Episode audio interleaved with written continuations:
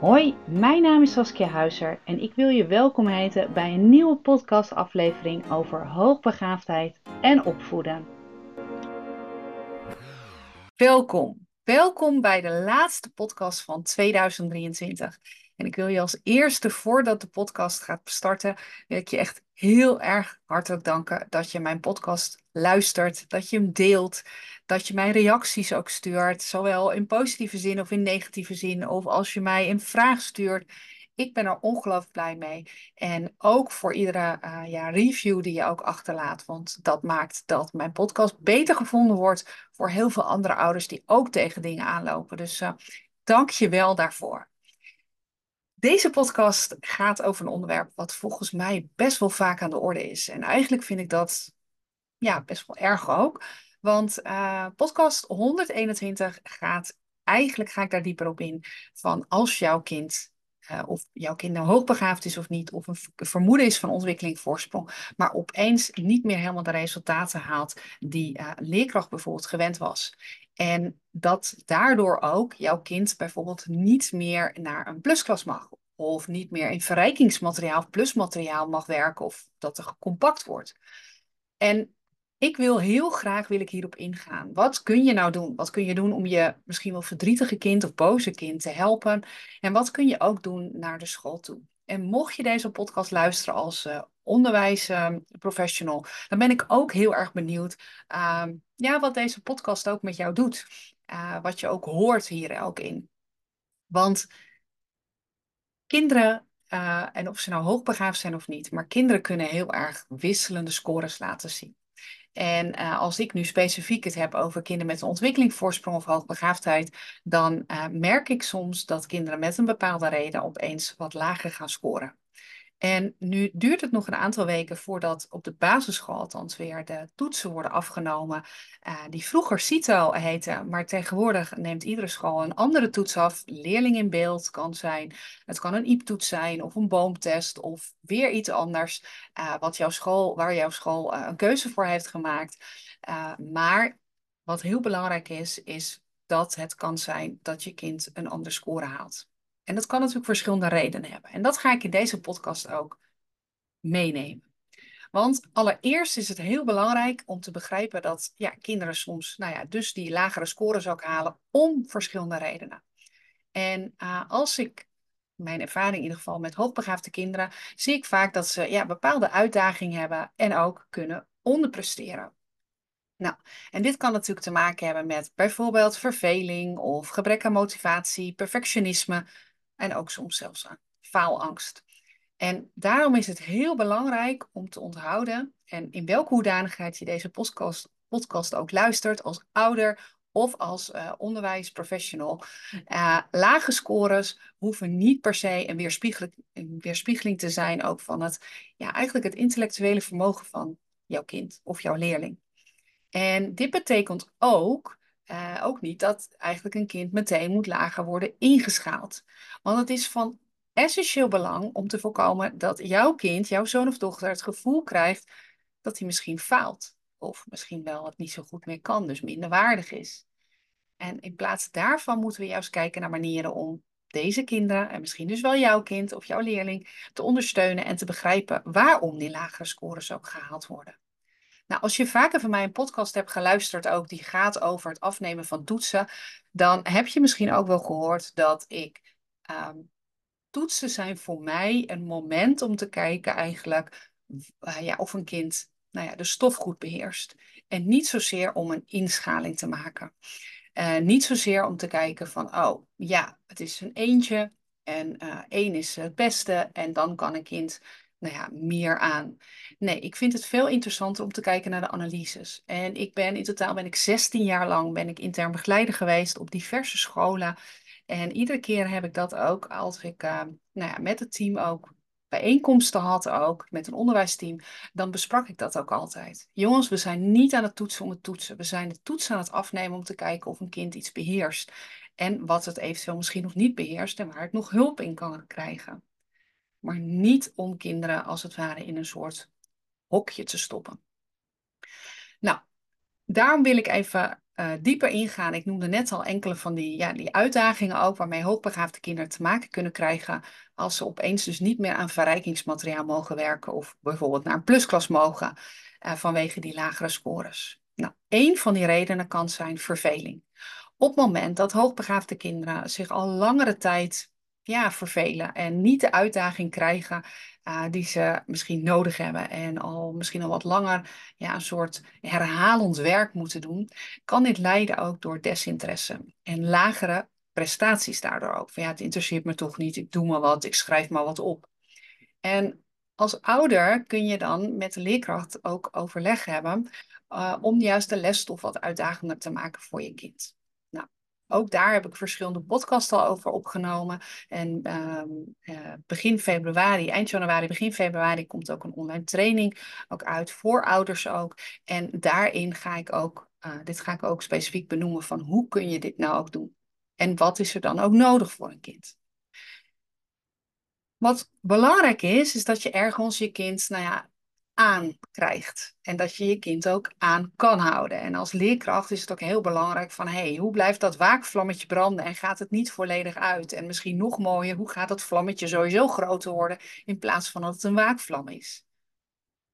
Nou, en dan heb je ook nog vaak dat uh, als kinderen dus zich vervelen... ja, dan, dan boeit het dus niet zo, wat ik net al aangaf.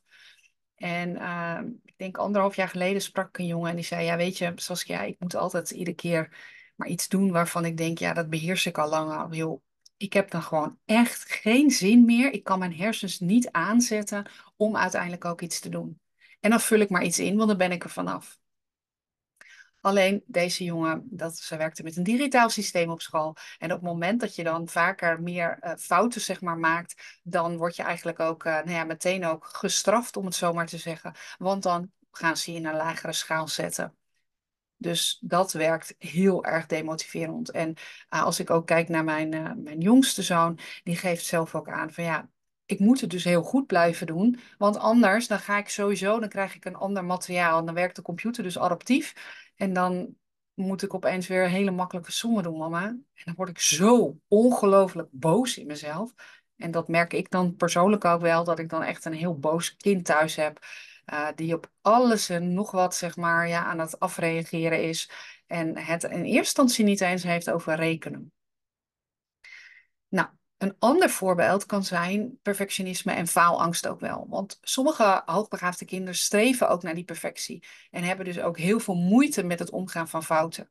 En op het moment dat iets ze bijvoorbeeld niet lukt, of dat ze merken dat ze fouten maken, dan kan dit leiden tot, nou ja, faalangst, nou vind ik faalangst een groot woord, maar in ieder geval wel tot een soort demotivatie, wat eigenlijk ook die prestaties negatief kan beïnvloeden. En als ouder is het dan heel belangrijk om ook uh, een positieve houding ook te hebben ten opzichte van fouten. En uh, ook echt benoemen um, alle momenten, niet alleen met schoolmomenten, maar ten alle tijde te benoemen en te benadrukken dat fouten normaal is. Dat fouten een, een onderdeel uh, is van uh, leren. En dat je zelf ook fouten maakt en dat je die ook als ouder durft te laten zien.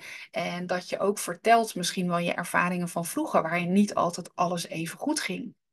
En op die manier moedig je je kind ook aan om uitdagingen aan te gaan. En misschien ook wel bang te zijn om nou ja, op zijn snuffert zijn of haar snuffert ook te gaan.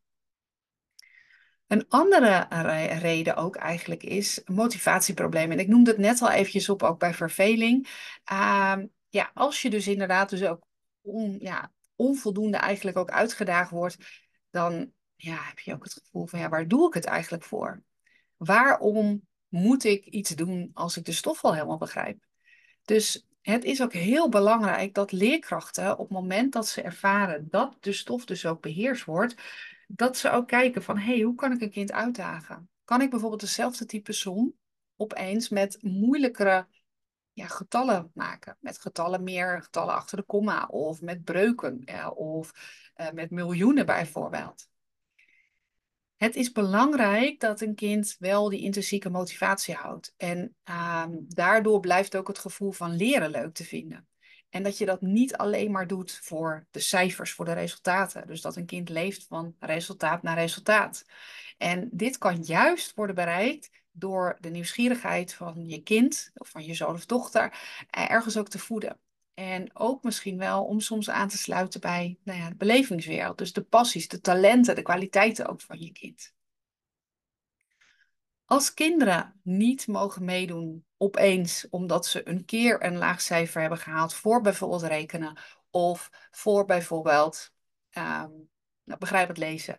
En daardoor moet het naar een lager niveau, uh, nieuwsbegrip. En ik weet niet of, of je dat kent als ouder. Maar nieuwsbegrip is een methodiek voor begrijpend lezen. En nieuwsbegrip heeft verschillende niveaus. En daar hoor ik heel vaak in dat een kind opeens uh, bijvoorbeeld in niveau B zit. Dat is hoger dan A. In dit geval gaat het uh, naar, nou ja, naar D als het ware. maar dat een kind opeens weer naar A moet. Wat doet dat met een kind? Omdat het misschien de vorige toets minder goed heeft gemaakt dat doet iets met een kind. Want dan gaat het systeem wat ik net vertelde over perfectionisme, eventueel falen, fout, geen fouten mogen maken, gaat meteen aan. Dat zet meteen, eh, als het ware, komt dat uh, in het gedachte van een kind. En sommige kinderen worden daarin, ja, gaan, gaan nog fanatieker werken, maar eigenlijk op de verkeerde manier. Er zijn kinderen die boos worden, verdrietig worden. Um, het is gewoon heel belangrijk om te erkennen dat het niet kunnen deelnemen, bijvoorbeeld aan een verrijkingsprogramma of aan compacten of aan plusklassen, vanwege lagere scores echt een ontzettende impact kan hebben op een kind. Want dit wordt weer gezien als falen of ik doe het niet goed genoeg. En iedereen mag wel eens een fout maken. Iedereen mag wel eens iets niet goed kunnen. En het is ook zo dat stel dat het kind, dat jouw kind al het sowieso heel erg makkelijk vindt en denkt, nou, hmm, ik vul maar wat in. En daar ook tegelijkertijd op, zeg maar, gestraft wordt, dan is dat enorm vervelend. Juist deze kinderen kunnen zich gefrustreerd, onbegrepen en misschien ook wel buitengesloten voelen. Van waarom mag uh, mijn vriendinnetje wel nog daarin blijven en ik nu niet? Als jij als ouder deze podcast luistert, is het gewoon heel belangrijk om ondersteunend en empathisch te zijn. Nou, ik kan me voorstellen dat je zegt, ja, de, natuurlijk Saskia doe ik dat. Ja, dat begrijp ik. Maar weet, ga, probeer in ieder geval om naar je kind te luisteren en om de meeste oordelen um, toch achterwege te laten. En waarom ik dit zeg, is op het moment dat je gaat oordelen van, hè, waarom doet die leerkracht dat nou toch? Of, oh, ik word ook zo moe van, van, van deze leerkracht. Ik begrijp bijvoorbeeld dat je deze emoties kan hebben als ouder. Maar op het moment dat je dat iedere keer voedt en dat je dat iedere keer benoemt bij je kind, gaat je kind ook bijvoorbeeld een aversie krijgen tegen de leerkracht. Of um, voelt je kind zich zo sterk daardoor, waardoor soms wel eens een ander probleem kan ontstaan, dat je kind het gevoel heeft, en dat heb ik in een van de valkuilen ook benoemd, een van de podcasts die hiervoor kwamen, dat je kind daardoor juist um, eh, een bepaalde houding kan gaan aannemen, hoeft niet, hè, nogmaals, maar kan gaan aannemen, waardoor um, eigenlijk het negatieve wordt benoemd, waardoor jij als ouder meteen in de actiemodus gaat. Dus probeer daar een beetje op te letten. En ik hoop dat ik het zo duidelijk heb uitgelegd. Check anders zeker nog even mijn Valkuilen podcast. Volgens mij was dat 118 deel 1. Dus check dat anders ook even. Um, laat wel altijd en alle tijden weten aan je kind dat je je kind steunt ongeacht wat er ook gebeurt. En kijk ook in eerste instantie of bespreek ook van hé, hey, wat zou jij kunnen doen? Dus dat je dat aan je zoon of dochter vraagt. Jij kan het als ouder meteen willen oplossen en naar school bellen en uh, een mail sturen. Maar kijk eens of je kind dat zelf kan. En als dat nog echt nog niet lukt, probeer dan te kijken of je het samen met je kind kan doen waarmee jij erbij zit en jouw kind wel probeert het woord te doen. Op die manier leert jouw kind namelijk ook voor zichzelf op te komen. En dat is ontzettend ja, leerzaam en, en ook raadzaam. Voor, juist voor kinderen die, uh, nou ja, waar het soms wel eens makkelijk kan gaan, uh, is het fijn om dat ook te ervaren. Want dat is ja, een soort zelfreflectie, zelflerend vermogen ook. En dat is enorm goed om te ervaren. En daarmee zet je je kind zeker niet buitenspel, want je bent er voor je kind. En laat dat ook ten alle tijden altijd weten. Ik wil ook benadrukken dat de communicatie met school ook van enorm belang is. Dus um, het kan zijn dat de leerkracht zich toch niet helemaal volledig bewust is ook van de behoeften van jouw kind. En dan is het belangrijk ook om daarnaar te vragen. Stel die vraag ook aan een leerkracht. En misschien heeft de leerkracht ook wel niet helemaal in de gaten wat zo'n beslissing van bijvoorbeeld weer uh, naar een ander niveau, naar een lager niveau gaan, of, of even dat een kind niet mee mag doen met een plusklas. Soms hebben leerkrachten daar echt oprecht niet zo'n idee van wat voor effect dat heeft op jouw kind. Dus probeer ook daarin uh, je kind in eerste instantie te stimuleren om, nou ja, om in gesprek te gaan met de leerkracht. En als dat niet lukt, ga ook zelf ga het gesprek aan met de leerkracht, eventueel met de intern begeleider ook, om samen ook te werken aan oplossingen die echt in het belang zijn van jouw kind. Want dat is ten alle tijde belangrijk. Nou, als ik deze podcast samenvat, dan is eigenlijk ja, het ondersteunen van dus jouw kind misschien wel, jouw zoon of dochter, die opeens een lagere score haalt, of misschien langere tijd, maar dat er wel een IQ-test ligt met bijvoorbeeld 140 als uh, totaal IQ, dan betekent het niet dat een kind vanzelfsprekend altijd hogere scores haalt. Dus het vereist begrip, geduld en ook dus samenwerking tussen jou en je kind. En tussen je kind en de leerkracht, maar ook tussen jou en de school. En door deze uitdaging ook aan te pakken en te werken ook eigenlijk ook aan het welzijn en de groei ook van jouw kind, kun je ervoor zorgen dat jouw kind ook weer de kansen krijgt die hij of zij ook verdient.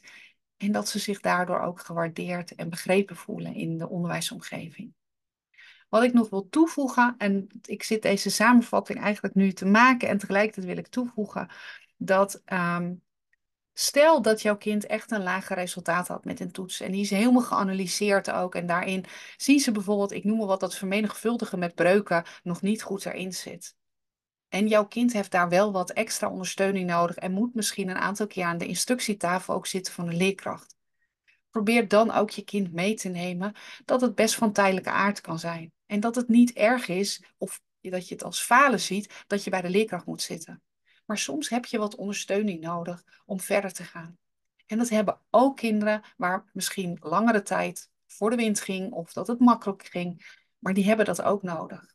En probeer daarin ook dus niet met je kind helemaal mee te gaan om te zeggen, ja, het is inderdaad heel vervelend.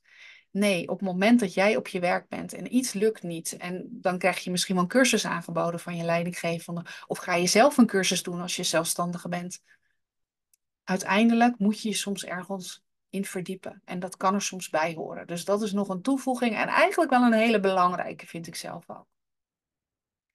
Nou, dan is, ben ik echt aan het einde van deze podcast. En uh, ja, zoals ik al begon, de laatste podcast van, 100, of van 2023. En ik wilde 121 zeggen, want dat is het nummer inderdaad. Ik wil je ontzettend bedanken. Ik heb uh, enorm veel uh, volgers erbij gekregen.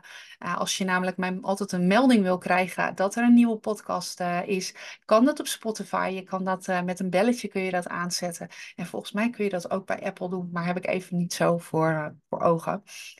dan krijg je altijd mijn nieuwste podcast. Maar ik wil je ontzettend bedanken.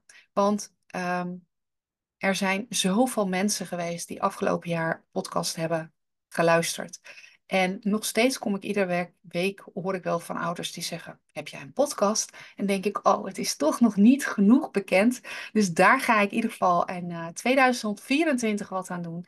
Uh, sowieso uh, ga ik een aantal dingen toevoegen ook aan mijn, uh, mijn aanbod. Sowieso komt mijn online training, waar ik echt een fantastisch aanbod heb voor mensen die zich nu al op de wachtlijst zetten. Uh, sowieso qua korting, maar ook iets om, uh, om je vraag te kunnen stellen ook aan mij en om daar ook een antwoord op te krijgen. Dus mocht je dat willen, ga even naar mijn website en check even bij de online training. En dan zet je jezelf op de wachtlijst. Heel geheel vrijblijvend. die gaat beginnen en uh, daarnaast ga ik verder ook nog om toch veel vaker systemisch te kijken ook naar waar jouw kind tegenaan loopt, maar ook naar jou als ouder. Want ik denk dat de meeste ouders die mijn podcast luisteren zichzelf soms heel erg herkennen in hun eigen kind. Een eigen verhaal, een eigen ervaringen ook en dat je die meeneemt. En in heel veel gevallen is dat heel positief, maar soms kan dat ook voor je kind wel eens moeilijk zijn. En uh, aangezien ik ook uh, familieopsteller ook ben en energetisch therapeut, ga ik dat ook steeds meer verwerken ook uiteindelijk in mijn begeleiding. Nou, als laatste wil ik je heel erg bedanken en ik wil je een ongelooflijk goed ehm, oud en nieuw toewensen ook. Met heel veel plezier en uh, voor 2024 in alle opzichten hoop ik dat jij, misschien je gezin of alleen je kind, uh, eventueel je partner er ook bij, nou ja, zich goed voelen, vol zelfvertrouwen, kunnen groeien en bloeien met alle talenten en kwaliteiten die je hebt. Want dat heb jij ook, dat heeft jouw kind. En uh, laten we die vooral aankijken. De mooie kanten, de positieve kanten. Dank je wel voor het luisteren. En uh, ik vind het heel leuk om nu te zeggen, tot in 2024.